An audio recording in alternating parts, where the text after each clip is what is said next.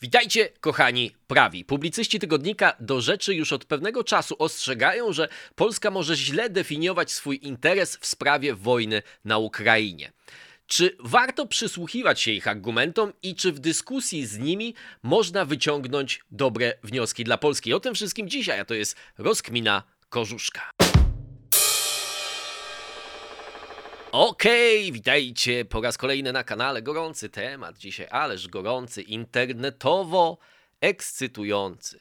Zauważyłem ostatnio taką prawidłowość, że lepiej się oglądają moje rozkminy niż te kroniki szalonej Ameryki. To może świadczyć, że ja jestem ciekawszy niż polityka amerykańska, przynajmniej dla Was. Ale e, oczywiście muszę, przechodzimy od razu do tematu, bo mam sporo w nim do powiedzenia. Wydaje mi się, że warto się tym zająć na poważnie. Na poważnie będziemy się zajmować, więc pierwsze założenie, musimy odrzucić cały ten kontekst memowy, który towarzyszy przede wszystkim e, postaci Łukasza Warzechy. Oczywiście Łukasz Warzecha jest memem. Łukasz Warzecha Warzecha mnie śmieszy i wydaje mi się, że w dużej mierze Łukasz Warzecha za to, że jest memem odpowiada sam i sam z tego korzysta. Ale to inne programy są do tego, żeby o tym e, mówić. E, I to znaczy, że jest memem, to nie znaczy, że w pewnych sprawach nie może wskazywać na pewne słuszne argumenty, albo przynajmniej nie warto go słuchać w pewnych sprawach. Tak chociażby weźmy sprawę Duginy, prawda, czyli śmierci. E, sposób wyrażenia tego przez redaktora Warzechy, znaczy ten jego tweet, w którym mówił, że prze, przetrawiał pół dnia tę śmierć, był dosyć kuriozalny, ale z drugiej strony samo pytanie, czy jeśli Ukraińcy na przykład za tym stali, to pytanie jest tym aktualniejsze po wycieku do New York Timesa, że jest to możliwe, chociaż ja mówiąc szczerze mam swoje wątpliwości, ale to jest temat na inny filmik, ale załóżmy, że Ukraińcy za tym stali, no to pytanie takie zadaje się nie tylko na Twitterze Łukasza Warzechy, ale także w USA, czy nie posunęli się za daleko, czy to jest uzasadniony cel, czy, czy niepotrzebnie nie eskalują tej wojny? I tak dalej, i tak dalej, i tak dalej. Czyli Łukasz Warzecha może zadawać słuszne pytania, pomimo tego, że robi to w sposób denerwujący i irytujący, może nie dla wszystkich, może dla widzów tego programu w sposób właśnie sprawiający wam mnóstwo satysfakcji, więc to jest kwestia e, tylko oceny. Druga rzecz, od której będziemy abstrahować, to jest ten atak najczęstszy na Warzechę, czyli że on się przestraszył. Przestraszył się jak oblali ambasadora FARC, bo już mówi, że będzie atak nuklearny na Warszawę, potem się przestraszył po, po, po czymś innym, teraz się przestraszył jak był atak na most kerczeński. To oczywiście jest żart osobisty, no ale generalnie y, kwestie osobistej odwagi nie mają tutaj znaczenia, bo rozmawiamy o pewnych racjach, które dotyczą wspólnoty. Wydaje mi się, że możliwe jest, że zwolennicy wojny osobiście na wojnie zachowaliby się nie najlepiej, a zwolennicy pokoju na wojnie zachowywaliby się słabo, e, czy w sposób tchórzliwy. I sam ja, mówiąc szczerze, e, znając siebie, nie postawiłbym się w tej kategorii bohaterów. Tak, może by się udało coś, może bym się zmienił i tak dalej, e, może bym doznał jakiejś psychologicznej ewolucji, ale generalnie e, to jest argument głupi. Natomiast trzeba abstrahować, jak już rozmawiamy o tym na poważnie, to też no, musimy wyjść poza metodę, która jest dla mnie niezwykle irytująca i ona dotyczy przede wszystkim Warzech, ale dotyczy też Pawła Lisickiego, który będzie drugim jakby takim no, przedmiotem tego, e, na czym ja się będę, czy autorem tych uwag, nad którymi ja się będę zastanawiał. Tak? No, Warzecha ma to do siebie, redaktor Warzecha, że przede wszystkim jego metoda jest taka, że identyfikuje emocje u przeciwnika swojego, czy oponenta w takiej debacie, że w Polsce jak zwykle jest fala emocji, że jest jakaś wojenna histeria. No i jak on już opisze tą całą wojenną histerię, no to już świetnie wtedy wygląda on jako ten wędrowiec pośród chmur, jeden rozsądny w morzu tej histerii, wojennej manii i rządzy e, krwi. No i oczywiście to jest takie bym powiedział ten, no bo jest, skoro chcę rozmawiać na argumenty, a potem jedyne, czego, co cytuję u swoich oponentów, to są tylko te emocje, to jest takie głupie. Poza tym emocje są czymś, czego my nie kontrolujemy tak do końca i to, że ktoś się z czegoś cieszy, niekoniecznie oznacza, że zgadza się z jakimś stanowiskiem, prawda? I, to, ale to też jest taka obsesja trochę u polskich, szczególnie po prawej stronie, żeby kreować się na takiego kolejnego Studnińskiego, czyli właśnie tego, tą jednostkę, która w morzu przeciwności, prawda, i chóru owiec, które krzyczą na tę samą nutę B, on jeden e, w jakiś sposób. I to jest jakaś tam metoda nie prowadzenia debaty, tylko po prostu autopromocji. Dlatego tego trzeba. Abstrahować. No bo mówiąc inaczej, to znaczy tak, tak jak fakt, że fakt, że połowa Twittera e, śmieje się z Warzechy, nie świadczy o tym, że on koniecznie musi nie mieć racji, to tak, że on ogłasza światu, że on nie odczuwa jakichś emocji, które odczuwa większość Twittera, to nie znaczy, że jego podejście jest racjonalne. Czyli te, te rzeczy są po prostu tak naprawdę, je należałoby wziąć w nawias. To druga rzecz, która mnie y, y, denerwuje w tej metodzie publicystycznej, to ciągłe mówienie, że nie ma debaty. To Paweł Lisicki ostatnio kilka razy powtarzał. Nie ma debaty w Polsce, tak?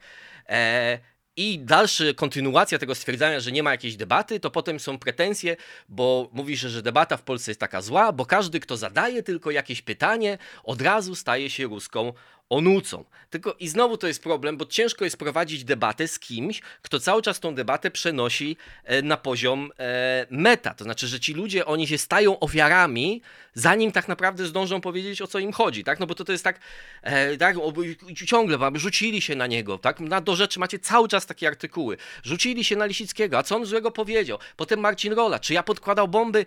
Nie, po prostu jesteś głupi. Ale to jakby ja wiem, z Marcinem Rolą to chodzi o, o to, że rząd mu zamknął ten serwis, to jest, to jest osobna sprawa, prawda? I, e, I możemy mówić, czy słusznie, czy niesłusznie, ale jakby sam fakt, że ktoś jest atakowany w internecie albo jest nazywany ruską onucą, to nie znaczy, że w Polsce nie ma debaty, tylko że ludzie niektórzy no, w ten sposób go traktują, tak?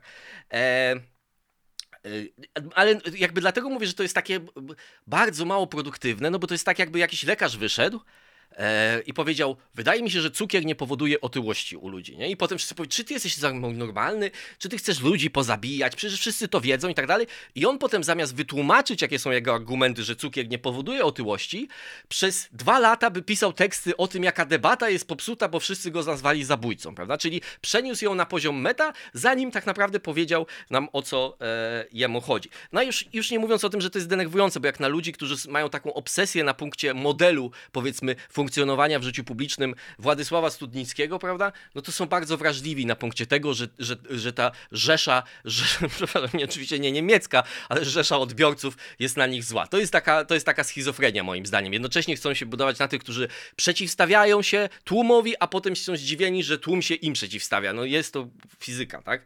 Dobrze, ale to zostawiamy. Jak już mówimy o konkretnych tych argumentach, stronnictwa pokoju, tak to nazwijmy, czyli tych, którzy mniej więcej mówią, że nie powinniśmy popadać w jakiś zachwyt. I znowu to są, prawda, argumenty dotyczące emocji. Ja bym raczej zrezygnował z tych argumentów, czy ktoś się zachwyca, y, czy nie zachwyca, jak zachwyca, skoro nie zachwyca i odwrotnie, prawda? Tylko zastanówmy się, co o czym my w ogóle debatujemy, tak? Bo są dwie rzeczy, trzeba odróżnić. Po pierwsze, rzeczy, które nam się nie podobają, czyli są po prostu negatywnymi elementami rzeczywistości, w której żyjemy. I druga kategoria rzeczy, i to jest jedyna kategoria rzeczy, do, o których możemy sensownie debatować, to jest to, na co państwo polskie ma wpływ. Tak? Żeby to zilustrować, o co mi chodzi, to chodzi o podmiotowość ostatecznie. Gdzie polskie państwo, jakie są granice jego podmiotowości i jakie decyzje może podjąć, zmieniając e, środowisko, w którym funkcjonuje. O tak możemy powiedzieć. Tak? E, żeby to zilustrować, taka anegdotka. Jak chodziłem, byłem studentem filozofii, to z kolegami mieliśmy taki żarcik, że jak ktoś na przykład mówił, że się kopnął w nogę, albo złamał sobie nogę, albo coś tak uległ jakiemuś wypadkowi, to my mówiliśmy, no, niepotrzebnie. No i żart polega oczywiście na tym, yy, i śmieszność tej, tego, całe, tej całej rzeczy, że ta osoba już wie o tym, że niekorzystnym faktem jest to, że złamała sobie nogę, ale nie miała na to wpływu, prawda? Bo jakby mogła wybrać sytuację, że sobie złamie nogę, czy nie. E, I to jest, i to jest trochę taka sytuacja. Jeżeli chodzi oczywiście o podmiotowość państwa polskiego, to z jednej strony moim zdaniem szkodliwe byłoby, jeśli postrzegalibyśmy siebie jako łódeczka dryfująca na falach historii, czyli w kompletnie takim porządku deterministycznym. Inni za nas decydują, a my musimy po prostu iść w głównym nurcie, jak to się kiedyś mówiło. No ale też musimy realistycznie podejść do tego, na co mamy wpływ, a na co nie mamy wpływu. Żeby pokazać to na przykładzie i omówić od razu przykład, który też no, jest jakimś tam elementem debaty. Czyli Warzecha mówi, tak. E, nie powinniśmy się cieszyć z ataku na most kerczeński, prawda? Bo to bardzo mocno zwiększa groźbę TBJ, czyli jak rozumiem taktycznej broni jądrowej. To jest ten skrót. Chyba, że jakieś coś innego się kryje pod tym skrótem. Tego Łukasz Warzecha nie wyjaśnia, może wyjaśniał w innych tweetach. Nie widziałem tych wszystkich tweetów, bo jestem zablokowany, ale nieważne. Czyli użycia broni e, nuklearnej, tak? E, po pierwsze, odrzucamy znowu to, co mówiłem. No, nie, może, nie możemy rozmawiać o tym, kto się powinien z czegoś cieszyć, a kto się nie powinien z czegoś cieszyć. To, że my się cieszymy, Rosja jako największe zagrożenie od lat, od dekad, od setek lat dla bezpieczeństwa Polski, jeśli przegrywa, jeśli ci, którzy byli skazani na porażkę w starciu z Rosją, wygrywają, to my się powinniśmy z tego cieszyć. To nie znaczy, że Łukasz Warzecha jako jedyny, który się nie cieszy, jest jedynym, który sobie zdaje sprawę z tego, że to niesie za sobą także pewne ryzyko eskalacji. Ta ta dyskusja jest bezprzedmiotowa, bo żeby poczuć się w racji, czy w, że, że jestem po stronie prawdy w tej dyskusji, trzeba założyć, że druga strona ma, jest mniej inteligentna niż ja. Czyli innymi słowy, ja widzę, że oni się cieszą, bo znaczy, że oni nie rozumieją tego, że Rosja ma broń nuklearną i jeśli zostanie przyparta do muru, jest szansa, że może jej użyć, prawda? E, czyli ta dyskusja kompletnie nie ma sensu. I mamy powody, żeby się cieszyć, a jednocześnie. E, a jednocześnie musimy zrozumieć, e, co możemy, co polskie państwo mogłoby w tej sytuacji zrobić. Weźmy inny przykład, to jest cytat z kolei z redaktora Lisickiego z ostatniego jego występu w Radia Wnet. Znowu, początek jest kluczowy. Zauważam, że niestety u nas refleksja na ten temat praktycznie nie występuje. Przedłużający się konflikt na Ukrainie ma dla Polski dwa bardzo poważne negatywne skutki. Pierwszy skutek dotyczy polskiej gospodarki. Rzeczą oczywistą jest to, że wskutek radykalnego wzrostu cen, najpierw surowców, potem cen energii, cierpi na tym bardzo polska gospodarka. Widzimy to wyraźnie. Pokazuje to skokowy wzrost inflacji, pokazuje to słabość złotego. Myślę, że w dłuższej perspektywie, ale nie tak znowu odległej, będziemy się niestety musieli liczyć również z innymi negatywnymi skutkami yy, yy, yy, tak z tych zdarzeń. E, I teraz znowu jest takie pytanie, czy chodzi o to, że Paweł Lisicki mówi, że tylko on rozumie, że istnieją te koszty, a reszta z nas ich nie dostrzega. I tu znowu wracam do tego argumentu, którego już użyłem. Trzeba założyć wtedy, że my jesteśmy głupi po prostu. Ja tak nie zakładam, być może jest to y, świadectwo mojej głupoty. Mm, I po drugie, no też ja się zakładam, że nikt poważny, e, jeżeli mówimy o rzeczach, na które nie mamy wpływu, to nikt poważny, gdybyśmy zostali postawieni w takiej sytuacji, że mamy wpływ i moglibyśmy cofnąć decyzję Putina o inwazji 24 lutego, to nikt poważny by nie powiedział, tak, chcę wojny, bo ta wojna nam przyniesie korzyści. Jednocześnie, skoro wojna wybuchła, nie mieliśmy na to wpływu, możemy przy założeniu stwierdzić, że te wszystkie skutki są bardzo negatywne, wojna nikomu nie służy i tak dalej. I Ukraina jest strasznie zniszczona. E, i, I te konsekwencje wojny ja codziennie doceniam, rozmawiając ze znajomymi z Ukrainy, którzy chociażby mają, prawda, dwa czy trzy pogrzeby dziennie. I to z, z, tego sobie trzeba zdawać sprawę, tak? Często też jak robimy żarty, żarty są potrzebne, ale też musimy sobie zdawać sprawę, na jakim podglebiu, z jakiego podglebia te żarty e, wyrastają. Natomiast chyba wszyscy sobie z tego e, zdajemy mm, e, sprawę. Czyli jedyna sensowna dyskusja, wracamy do tego, jest taka, czy polskie władze powinny zmienić swoją politykę wobec Ukrainy? I w tym kontekście, moim zdaniem, są dwa takie, dwie takie osie, które, w których taka zmiana byłaby ewentualnie możliwa. Tak? Po pierwsze, musimy z- zrobić takie założenie, i znowu to jest założenie, które moim zdaniem każdy, kto uczestniczy w debacie na temat polskiej, polskiej polityki, powinien uczynić. Czyli polskie interesy mogą być zbieżne z interesami Ukrainy i USA na przykład, czy USA, e, ale każda polska władza powinna pamiętać, że nie są tożsame. To znaczy, nie powinniśmy z automatu zakładać, że skoro coś jest w interesie Ukrainy albo coś jest w interesie USA, to także jest w interesie Polski. To chyba co do tego wszyscy możemy się zgodzić. Więc jeżeli szukamy żeby Polska się wyłamała z, tego, z tej dotychczasowej polityki wobec wojny na Ukrainie, to to mogłoby się odbyć na dwóch osiach, prawda? One są ze sobą nierozłącznie połączone, ale żeby dla jasności analizy warto je rozdzielić. Czyli pierwsza oś to jest Polska-Ukraina, druga oś to jest Polska USA, czyli szersza koalicja Zachodu. I to ma oczywiście zdanie, bo to są też lokalni nasi sojusznicy, którzy biorą państwa bałtyckie, państwa skandynawskie itd., tak itd., tak ale dla jasności i dla uproszczenia, no to można powiedzieć USA, tak? Więc e, po pierwsze, Polska i Ukraina. Czyli Ukraińcy walczą o swoje narodowe przetrwanie, co więcej, to jest coś, co ich od nas różni, będąc już obiektem ataku, mając kolektywne doświadczenie cierpienia, zniszczeń, mają też wyżej e, przesunięty próg odwetu. To znaczy dla Ukrainy nie jest problemem, znaczy jakby to wyrazić? No trzeba to wyrazić w sposób brutalny. Znaczy Ukraińcy są w stanie zaakceptować koszty rosyjskiego odwetu. Po ataku na Moskerczeński były ataki rakietowe na bloki mieszkalne w Zaporożu i oczywiście Ukraińcy są tym przerażeni, mówią Rosjanie popełnili zbrodnie, ale różnica polega na tym, że to jest coś, co nie odwiedzie ich od dalszego prowadzenia wojny. Czyli tutaj mamy sytuację, w której możemy się różnić. znaczy, my, nawet jak mówimy, że to jest nasza wojna, Ukraińcy walczą za nas, to musimy mieć świadomość, że do pewnego stopnia to jest przenośnia, bo to nie jest nasza wojna. Polska nie jest atakowana, polscy żołnierze w tej wojnie nie giną. Mówimy o regularnych jednostkach, nie jakichś ochotnikach, e, którym też pewnie należy się e, szacunek za to robią, tak jak samo jak wszystkich wolontariuszach, wszystkich, którzy pomagają, tak, ale osobna rzecz. Więc ta rozbieżność może mieć miejsce, może mieć rozbieżność perspektywy, może mieć też in, rozbieżność interesów.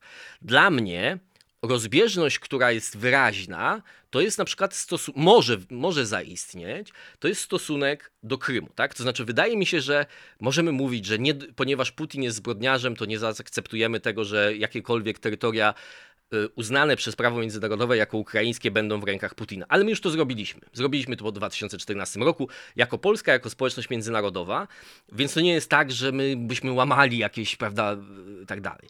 Z Krymem jest o tyle trudne, że Krym będzie trudno zdobywać. Ludność została przetrzebiona proukraińska, więc jest tam ludność prorosyjska. Oczywiście oni by uciekali. Różne rzeczy dziwne mogłyby się dziać. Logistycznie to by było trudne. Mm, no wiadomo, poza tym Krym, mimo tego, że zagłosował za niepodległością w 1991 roku, no to zagłosował 54%, więc, więc jeżeli ja tych argumentów absolutnie nie uznaję za e, intelektualnie spójne. Natomiast jeżeli gdzieś one byłyby bliższe jakiejkolwiek wiarygodności, to właśnie e, na Krymie. Poza tym wydaje mi się, że to jakby jest dla Rosji dużo bardziej strategiczna i prestiżowa utrata była. Innymi słowy, niezależnie od tych wszystkich argumentów, wydaje się, że może się pojawić moment, w którym Ukraińcy mówią, Krym jest ukraiński i my chcemy zdobyć, a Polska mówi, słuchajcie, zgadzamy się z wami i nie odbieramy wam prawa, ale nie możecie liczyć już na nasze wsparcie w tej sprawie, bo dla nas to już jest za dużo, tak? Bo, bo my jesteśmy w stanie zaakceptować taką sytuację, tak? E, natomiast oczywiście to też jest kwestia hipotetyczna, bo czy Ukraińcy są tak bardzo zdeterminowani, różne, różnie można to interpretować. Atak na most kerczeński wbrew pozorom wcale nie pokazuje, że to jest za chwilę będzie natarcie na Krym, bo most kerczeński odgrywa oczywiście bardzo istotną rolę logistyczną w dostarczaniu uzbrojenia, amunicji, tych wszystkich rzeczy, które podtrzymują e, siły rosyjskie, także na tym froncie hersońskim, więc to niekoniecznie oznacza, że Ukraińcy już w tej chwili chcą zdobywać Krym, a E, Załęski wcześniej, na początku wojny, mówił, że jeżeli zdobywanie przez nas Krymu miałoby oznaczać niszczenie infrastruktury, prawda, tak jak to robią Rosjanie, to, to na to byśmy się nie zdecydowali. Ale, ale to jest tylko taka sygnalizacja, że czy te, teoretycznie, praktycznie dopuszczalne i musimy mentalnie być gotowi na to, że nasze interesy się e, rozjadą, tak?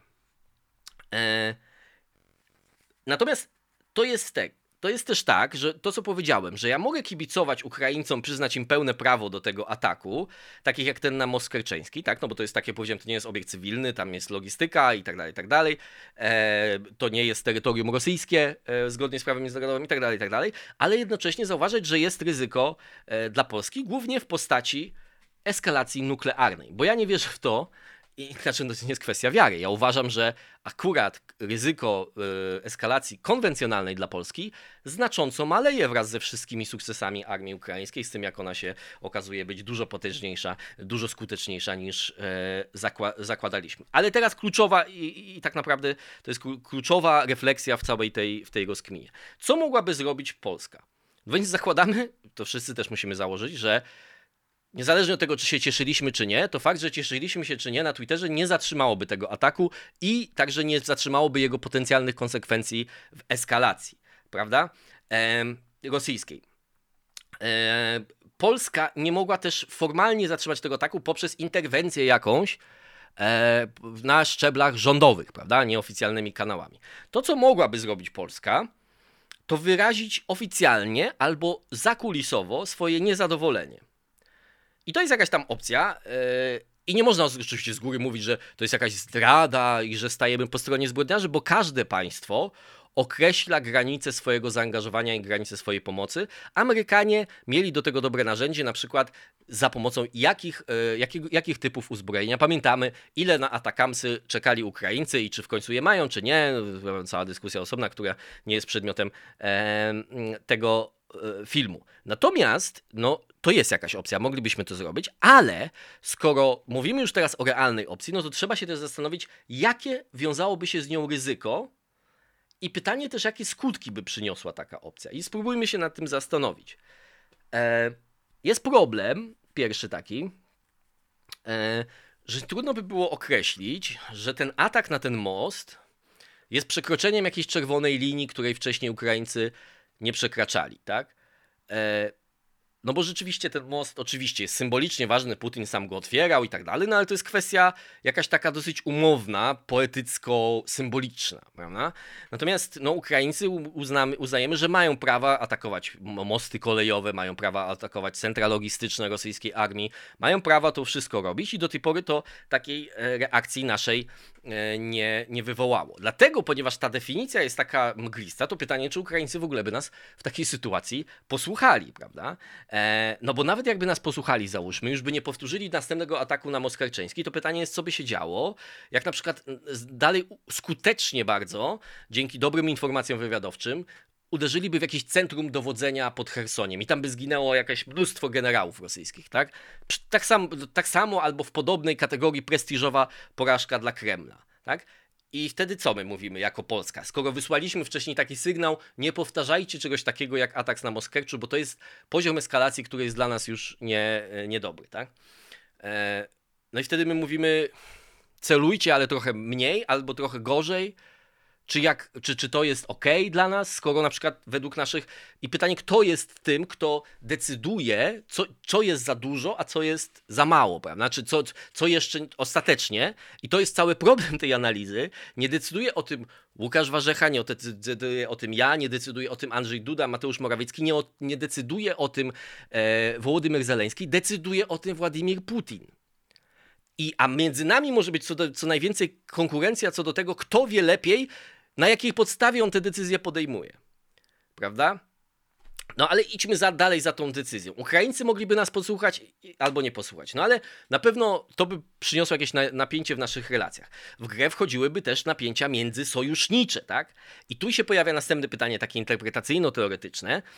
Czy istnieje coś takiego, czy, czy sam fakt, że sojusznicy byliby na nas źli, jeśli my realizujemy coś, co jest naszym interesem, my powinniśmy się tym przejmować? Bo niektórzy mówią, że to jest, że Polska się kierowała zawsze takim przekonaniem, że istnieje coś takiego jak dywidenda sojusznicza, że jak będziecie dobrym sojusznikiem, to inni będą dla was dobrymi sojusznikami. No i w pewnym sensie ja się zgadzam z tym, że my trochę chyba przeceniamy znaczenie tej dywidendy. To znaczy, dużo ważniejsze jest interes, położenie geograficzne danego państwa i jaką ono rolę może odegrać w interesach, e, prawda, ten. Prestiż Polski pewnie był dla administracji Bidena dużo niższy niż dla administracji Trumpa, ale to administracja e, Bidena, administracja Trumpa też stawiała na Polskę, zresztą za co jest krytykowana przez niektórych izolacjonistów. Natomiast administracja Bidena postawiła dla Polski nie dlatego, że kocha Jarosława Kaczyńskiego, tylko dlatego, że to było w jej interesie. Natomiast ym, trzeba też pamiętać, że to nie jest tak, przykład Turcji to pokazuje. Pokazuje dwie strony tej, tej, tej, tej narracji, tak? Czyli z jednej strony nie można zupełnie Turcji jak to się mówi, marginalizować w ramach sojuszu, no bo Turcja jest w bardzo ważnym miejscu położona i ma silną armię i tak dalej, tak dalej. Nie można jej marginalizować, ale z drugiej strony Turcja jest marginalizowana. Na przykład, jak się porozmawia z ludźmi, którzy uczestniczą w wspólnych ćwiczeniach NATO, to można z nich usłyszeć, że komputery się zamyka, jak przechodzą na przykład Turcy, y, tu, turec, Turcy, y, tureccy oficerowie, prawda? Z Turcją się nie dzieli e, USA wszystkimi technologiami, prawda?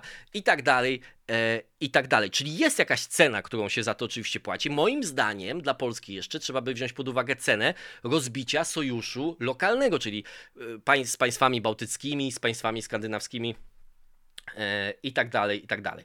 Druga opcja, bo ktoś może powiedzieć, to nie chodzi o to, żeby zabronić Ukraińcom ataku na Moskwy chodzi o to, żeby Polska jakby wy pisała się z tego stronnictwa popierania Ukrainy. Tak? Czyli innymi słowy, Polska mogłaby długofalowo, taka druga jest opcja, ale podobna, rozbijać sojusz, i to nie chodzi o to, że to jest coś złego, e, z założenia, że Polska po prostu wycofuje się z sojuszu e, proukraińskiego i to się składa z dwóch części. Po pierwsze, namawiamy Kijowa do zejścia, to do jakby do urealnienia swoich żądań, że może utracicie jakieś terytoria, może nie do końca, może nie tak jak mówi Walerii Załużny, że my musimy tą wojnę doprowadzić do końca, nie możemy jej przekazać naszym dzieciom, może jakiś kompromis jest możliwy, a z drugiej strony ten sam lobbying uprawiamy w ramach sojuszu szerszego e, Zachodu. Tak? Natomiast to jest oczywiście możliwe i tu znowu jest pytanie, jak nasza podmiotowość w tej sytuacji e, wpływałaby na to, że sytuacja ogólna zmieniłaby się na tą korzyść i teraz, żeby to zachowanie miało sens, to zmiana tej sytuacji ogólnej musiała być na tyle lepsza na naszą korzyść, żeby uzasadnić ryzyko, które jest związane, no właśnie, z, z popsuciem stosunków, z, z, ewentualnym rozbiciem sojuszu, prawda, północnoatlantyckiego, takim pewnie, no czasowym, prawda, no to, to byłby zgrzyt, to nie byłby jakiś kryzys egzystencjalny, ale to byłby jakiś, to byłby jakiś zgrzyt na pewno, tak? Więc zastanówmy się, jak ta sytuacja mogłaby się na korzyść Polski zmienić, gdyby nam się rzeczywiście udało swoją wolę przekierować. Tu się pojawiają następne pytania. Tak? W jakich granicach miałoby dojść do tych ustępstw. Mówimy o granicach terytorialnych, tak? Jak wyglądałby ten powojenny porządek, w którym e, założyli, e, się znaleźliśmy. I mi się wydaje, że choć można założyć, że krótkoterminowo, jeżeli chodzi o kryzys gospodarczy, jeśli chodzi o deeskalację zagrożenia nuklearnego, to Polska odniosłaby z takiego rozwiązania korzyści, czyli szybkiego zakończenia wojny, ale skutki długoterminowe jest trudno przewidzieć i moim zdaniem istnieje poważny i prawdopodobny scenariusz, w którym one byłyby dla Polski bardzo niekorzystne. No bo co taki scenariusz by oznaczał? Jeśli Putin pozwolono by mu zachować te obwody, których, które on anektował, czyli byśmy zakończyli to w tym momencie, tak? No to pytanie jest takie, czy to wzmocni Putina, czy go osłabi. No wydaje się, że wzmocni, tak jak wzmocniła go aneksja Krymu. Powie swojemu narodowi i tym, którzy w niego nie wierzyli, zobaczcie, mówiliście, że źle prowadzę Rosję, że za duże są te ofiary, a okazuje się, że te ofiary były tego warte, bo Rosja jest potężniejsza dzisiaj i udało nam się e, swoją wolę swoją wolę prawda, zrealizować, wymóc na, na naszych przeciwnikach i wrogach. Tak? E, Oczywiście długoterminowa destabilizacja Ukrainy, no bo to by się wiązało, że mamy na Ukrainie regiony okupowane, mamy jakieś strefy zdemilitaryzowane. Myślę, że odbudowa Ukrainy wtedy też zeszłaby na dalszy plan, bo de facto to byłby jakiś taki zamrożony konflikt i tak dalej. A jeżeli e, Ukraina by była na dłuższy czas destabilizowana, to jest kwestia oczywiście interpretacji politologiczno-socjologicznej, na ile Ukraińcy mogą jeszcze kiedykolwiek wrócić mentalnie w orbitę prorosyjską, ale moim zdaniem to, żeby się pojawił prorosyjski polityk w modelu Janukowycza za 10 czy 15 lat na Ukrainę, jest możliwe. A nawet jeśli nie jest możliwe, to może być antyrosyjski polityk deklaratywnie, ale zdający sobie sprawę z tego, że musi postępować zgodnie czasem z interesami Rosji, dlatego że wsparcie jego na Zachodzie jest jest, jest ograniczone. Tak? No ale tu i następna konsekwencja jest taka. I oczywiście Ukraina w strefie wpływów rosyjskich wiemy, jakim zagrożeniem jest e, dla Polski, jak mocno przesuwa długofalowo zagrożenie rosyjskie do polskich granic. Tak? Natomiast następna konsekwencja jest taka, że skoro Zachód dążył do pokoju w momencie największych sukcesów militarnych Ukrainy, to dla Putina komunikat jest jasny. Nie moja konwencjonalna kampania na Ukrainie doprowadziła do realizacji tych celów. Pogróżki nuklearne doprowadziły do realizacji tych celów. No i pytanie teraz, czy w związku z tym, wobec takiego pokoju, Polska staje się wolna od pogróżek nuklearnych Putina? No wydaje się, że nie. W tej chwili oczywiście nie mówię, że jest wolna teraz, ale po pierwsze, czyli cały czas pamiętamy o tym, że w tej kalkulacji, w tej rachubie my podejmujemy pewne ryzyko. Wy, wyłączamy się z pewnego sojuszniczego chóru i śpiewamy e, swoim własnym e, głosem, co jest związane z pewnym ryzykiem i tak dalej, tak dalej, tak dalej. Natomiast i może to być też ryzyko długofalowe. Natomiast teraz jeszcze jest kwestia taka, czy w takim razie, skoro sytuacja e, na Ukrainie będzie w sensie konwencjonalnym, militarnym ustabilizowana, a Putin wyciągnie z niej taki wniosek, że za pomocą pogróżek nuklearnych może sporo osiągnąć, no to pytanie, czy Polska nie. Znowu, czy Polska tak naprawdę dzięki temu pokojowi na Ukrainie będzie w jakiś sposób wyłączona z tego, e, spod tych pogróżek, tak? No bo jeśli e, w tej chwili Putin ma reagować na militarne porażki na Ukrainie za pomocą eskalacji nuklearnej, to wydaje się, że najprawdopodobniejszym miejscem tej eskalacji jest Ukraina. Ale jeśli dalej w przyszłości Putin ma prowadzić swoją politykę w ramach pogróżek eskalacją nuklearnym, nuklearną, to jeśli na Ukrainie osiągną już swoje cele, to celem tych pogróżek może być na przykład wtedy Polska, prawda?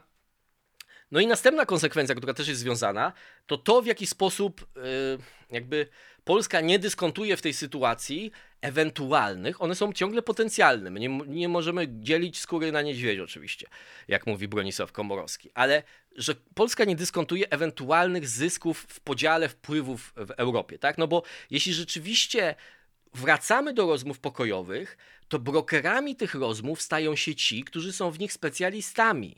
Czyli ci, którzy są teraz marginalizowani, bo już nie ma rozmów pokojowych, bo jest wojna. Czyli Niemcy, tak? Niemcy wracają do dealów z Rosją i oni stają się, póki nie wybuchnie następna wojna i póki USA nie zostaną zmuszone do interwencji lub nie, bo to też, też jest kwestia yy, taka, e, czy, czy następna wojna będzie, spotka się z taką samą reakcją, prawda? Ale to Niemcy stają się powiernikami pokoju w Europie i to one odzyskują swoje e, wpływy w takiej sytuacji. I to jest, teraz wracamy do tego, co mówił Paweł Lisicki e, i w tym kontekście warto się temu przyjrzeć. Prosta operacja myślowa. Druga rzecz jest jeszcze bardziej niebezpieczna dla Polski. Co będzie w sytuacji, kiedy ten, w tej chwili cały czas jednak regionalny konflikt, zastąpiony zostanie konfliktem światowym i dojdzie do frontalnego zderzenia NATO z Rosją? Wtedy pojawia się bardzo proste pytanie. Które państwo potencjalnie najbardziej na takim konflikcie ucierpi, ze względu na swoje położenie geograficzne? Szczerze mówiąc, bardzo prosta operacja myślowa pokazuje, że tym państwem będzie Polska. I teraz no to jest problem. Po, po pierwsze, wydaje mi się, że trzeba tak. Polska rzeczywiście, bezpieczeństwo Polski spadło, ale jednocześnie ma perspektywę wzmocnienia, bo Rosja się osłabia, prawda? Rosja, tak jak powiedziałem, najprawdopodobniej, jeśli użyje broni nuklearnej, to gdzieś na Ukrainie, bo to miałoby by sens. E, oczywiście w późniejszej eskalacji to, co się wydarzy, to jest zupełnie, jakby można to przewidywać, ale ktoś, kto mówi, że wie, jak taka eskalacja nuklearna się potoczy, no to po prostu jest bardzo pewny siebie, prawda? Zbyt pewny siebie, jak na, na mój gust. E, natomiast jakby wydaje mi się, że pra prawdopodobieństwo e, eskalacji konwencjonalnej na terytorium NATO w tej chwili jest minimalne. Więc jeżeli Paweł Lisicki ma na myśli to, że Polska stanie się polem walki konwencjonalnej, globalnej wojny NATO z Rosją, to jest to fałszywy strach, dlatego że Rosja nie ma takich zdolności. Cały czas oczywiście straszak nuklearny jest najlepszym odstraszaczem do tego, żeby wojnę z Rosją eskalować. I doskonale o tym wie Putin i doskonale o tym mówi, wie Biden, zresztą mówiłem o tym w tym ostatnim filmie, prawda? E, więc wydaje mi się, że tak, że o tyle się zgadzam z... E, znaczy, o tyle łączy się sposób mojego myślenia z, tą, z tym stronnictwem pokoju, że czasem mnie niepokoi, jak ktoś mówi, że nie ma innej alternatywy jak totalne zwycięstwo nad Putinem. E, scenariusz taki idealny, w którym Rosja się rozpada, defederalizuje, prawda? Putin staje przed Trybunałem w Hadze, e, Ukraina odzyskuje wszystkie swoje terytoria, prawda, i tak dalej. I jeszcze jest denuklearyzacja Rosji. Jest wspaniały, ale my jesteśmy jeszcze bardzo daleko od realizacji takiego scenariusza i raczej nie powinniśmy myśleć o nim jako najbardziej prawdopodobnym. To znaczy, trzeba zaakceptować fakt, wydaje mi się, że gdzieś tam jakieś rozmowy muszą się toczyć. Ale jak już chcemy być takimi realistami i mówimy, że przeprowadzamy prostą operację myślową, to wydaje mi się, że uczciwość intelektualna wymaga od nas, żebyśmy nie wyciągali ostatecznie najgorszych wniosków z obecnej formuły polityki, jaką prowadzi państwo polskie i alternatywę przedstawiali tylko, a, a jest też to, to, to, mądre działanie, prawda? Tylko dla uczciwości intelektualnej trzeba prostą operację myślową przeprowadzić do końca w obu członach tej alternatywy. Czyli jakie będą konsekwencje dla Polski, jeśli ona w tym momencie zmieni o 180 stopni swoją politykę, czy tam, nie wiem, nie, niekoniecznie o 180 stopni, ale zmnie, zmniejszy to swoje poparcie dla Ukrainy i będzie w jakiś sposób starała się być tym hamulcowym, prawda? A zamiast, zamiast tym, który, który Ukraińców wspiera i się solidaryzuje i jeszcze organizuje wsparcie międzynarodowe e, e, dla Ukrainy, prawda? I to, jest, I to jest kluczowe, bo jak Paweł Lisicki mówi, które państwo najbardziej ucierpi? No dobrze, to jest Polska, ale to jest pytanie, w interesie którego państwa jest w największym interesie, żeby rosyjskie zagrożenie osłabić? Tak? Przynajmniej na wiele dekad w, w przód. I to też jest Polska. Nie można mówić tylko, że w interesie Polski jest zakończenie wojny, bo Polska jest w strefie zagrożenia, ale skoro Polska jest w strefie zagrożenia, to też w interesie Polski jest to, żeby Rosja nie rosła w siłę, żeby imperializm rosyjski się nie rozpędzał, a raczej żeby się zwijał, prawda? I tak dalej, i tak dalej. Jeżeli są narzędzia do zatrzymania, to trzeba to robić oczywiście mądrze, pamiętając o straszaku nuklearnym i tak dalej, i tak dalej. Ale nie można mówić, że każde zwycięstwo Ukrainy jest porażką Polski, bo to jest po prostu nieprawda, tak? I tak samo jak już mówimy o tym położeniu geograficznym, to jest moim zdaniem kluczowe, bo Stronnictwo Pokoju czy tam realiści lubią wtedy mówić dużo o geografii, kiedy im to sprzyja i abstrahować od niej wtedy, kiedy to w ogóle nie ma, jakby wtedy, kiedy też im to jest na rękę, prawda? Spójrzmy, państwa bałtyckie, Szwecja, ale przede wszystkim Finlandia, to jest państwo graniczące z Rosją w końcu, i Polska łączy to, że w, najwięk- w całej tej koalicji międzynarodowej w sposób najbardziej bezapelacyjny i w sposób najbardziej zdecydowany popierają Ukrainę. Szczególnie państwa bałtyckie, które też wydaje mi się, że jak już mówimy o państwach, które są, byłyby najbardziej zagrożone, to w pierwszym rzędzie są to państwa bałtyckie, a nie Polska. Jest to chyba dla wszystkich logiczne. No ale zakładam, że Paweł Lisicki po prostu takiego skrótu myślowego dokonał, że Polska też, tak? Co do tego jest zgoda. Ale chodzi o to, wszystkie te państwa wspierają Ukrainę, czyli prowadzą bardzo podobną politykę do, te, no, do, na, do takiej, na jaką zdecydowały się obecne władze w Polsce, czyli wspierania Ukrainy, mobilizowania świata, przestrzegania przed rosyjskim zagrożeniem. I oczywiście te wszystkie państwa tak samo są e, narażone na ewentualne ryzyko eskalacji ze strony Rosji. Ale Finlandia nie szuka wyjścia w postaci e, jakiegoś sojuszu non-aligned pomiędzy USA a e, Rosją, ale szuka jak najszybszego, największego przyklejenia się do Rosji. Więc są teraz dwie, dlaczego tak jest? I są dwie możliwe odpowiedzi.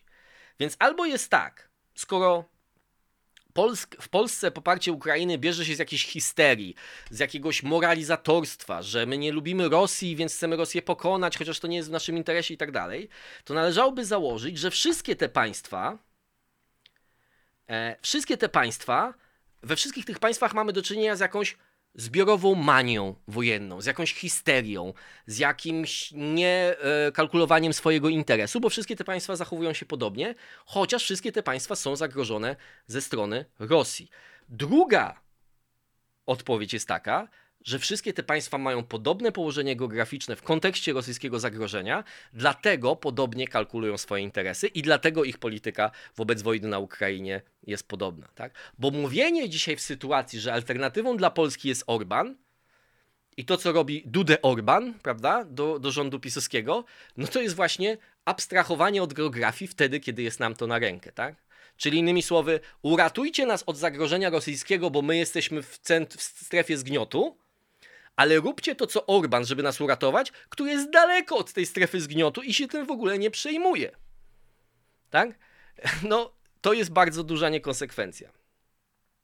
I, i ostatecznie wydaje mi się, że też warto sobie, to co, to co ja przedstawiłem, to jest ostatecznie taka zestawienie tych skutków krótkoterminowych z długoterminowymi. I można to porównać do rachuby, jak my się mamy odseparować od postrzegania Ukraińców tego konfliktu, to jest podobna rachuba, którą zrobili Niemcy w roku 2014, ale i dużo wcześniej też. To znaczy mówili, no Polacy, my do was nie mamy pretensji, że wy jesteście tacy antyrosyjscy, rusofobiczni, rozumiemy waszą historię, ale my tacy nie jesteśmy i nie pozwolimy się, mówiąc brutalnie, za wami dać wciągnąć w tą wrogość wobec Rosji.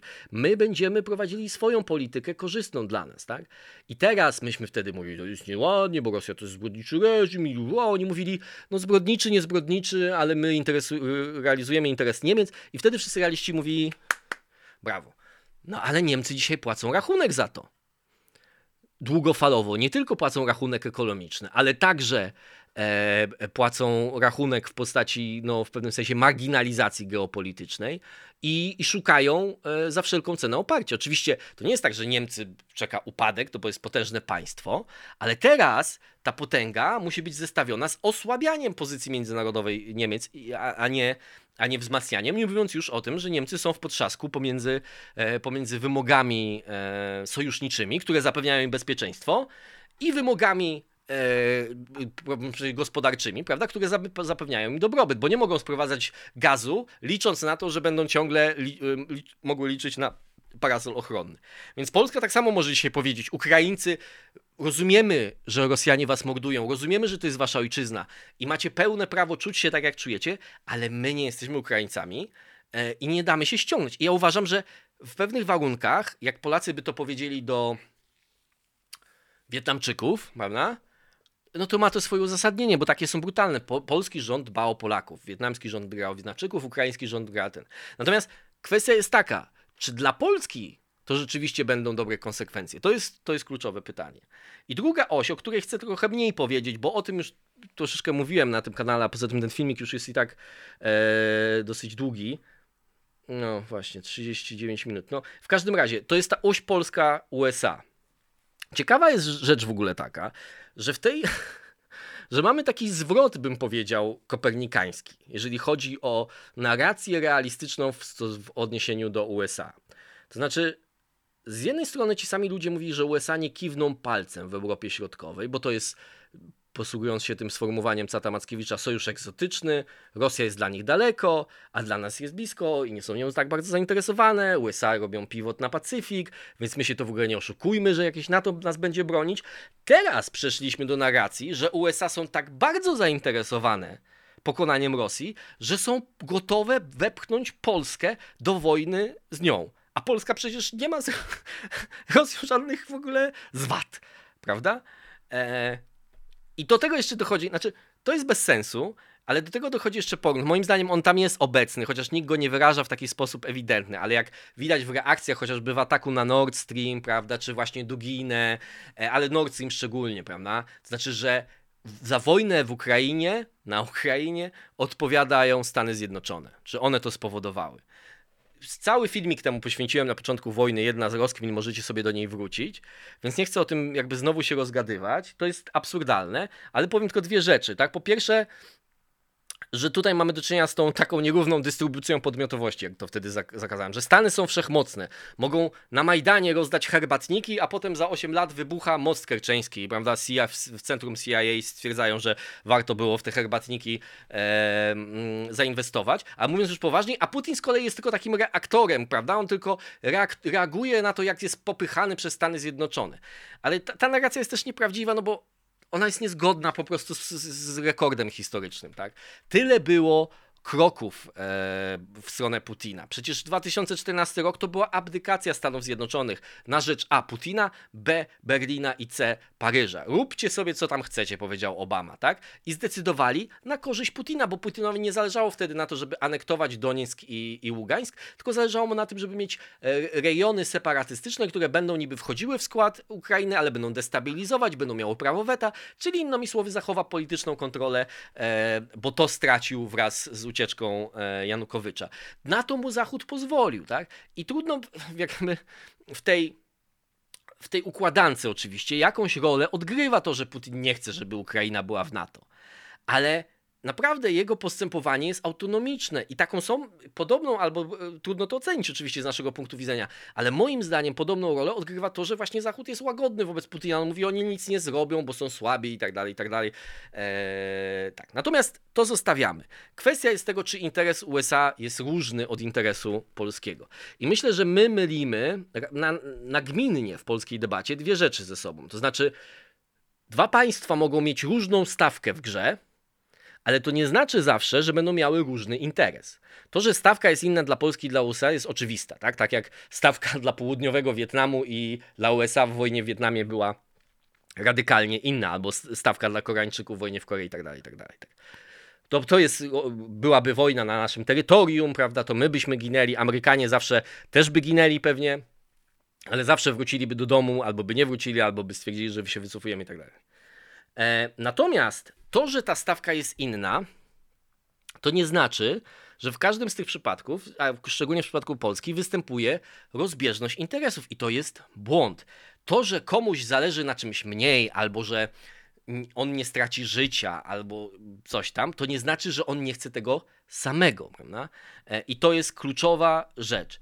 I, I ta zbieżność interesów, na którą można wskazać, no to to jest po pierwsze osłabienie Rosji. Dla USA to oznacza mniejsze koszty utrzymywania zobowiązań sojuszniczych niż w przypadku otwartej wojny, kolejnych konfliktów e, i zabezpieczenia Europy. A ponieważ zabezpieczenie Europy od czasu usta ustanowienia porządku zimnowojennego, tego, żeby, e, jak to mówią Stany Zjednoczone, czy, czy, czy jak to tak, podczas administracji Trumana e, i Marshall i Kennan i tak dalej, żeby e, industrialny, tak, centrum, czy dzisiaj byśmy powiedzieli gospodarcze centrum europejskie było pod kontrolą sił demokratycznych, czyli było sprzyjało jedn, temu, temu em, wektorowi, prawda, zachodniemu, USA, e, no to jest interes Stanów Zjednoczonych, prawda?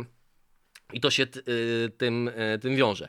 Więc Stany Zjednoczone także zyskują, tak jak Polska zyskuje, na tym, że wraz z zaangażowaniem Rosji, z osłabianiem, mieleniem, e, jak to mówią niektórzy, rosyjskiej armii na Ukrainie, zmniejsza się ryzyko konwencjonalnej interwencji e, na terytorium NATO. Tak?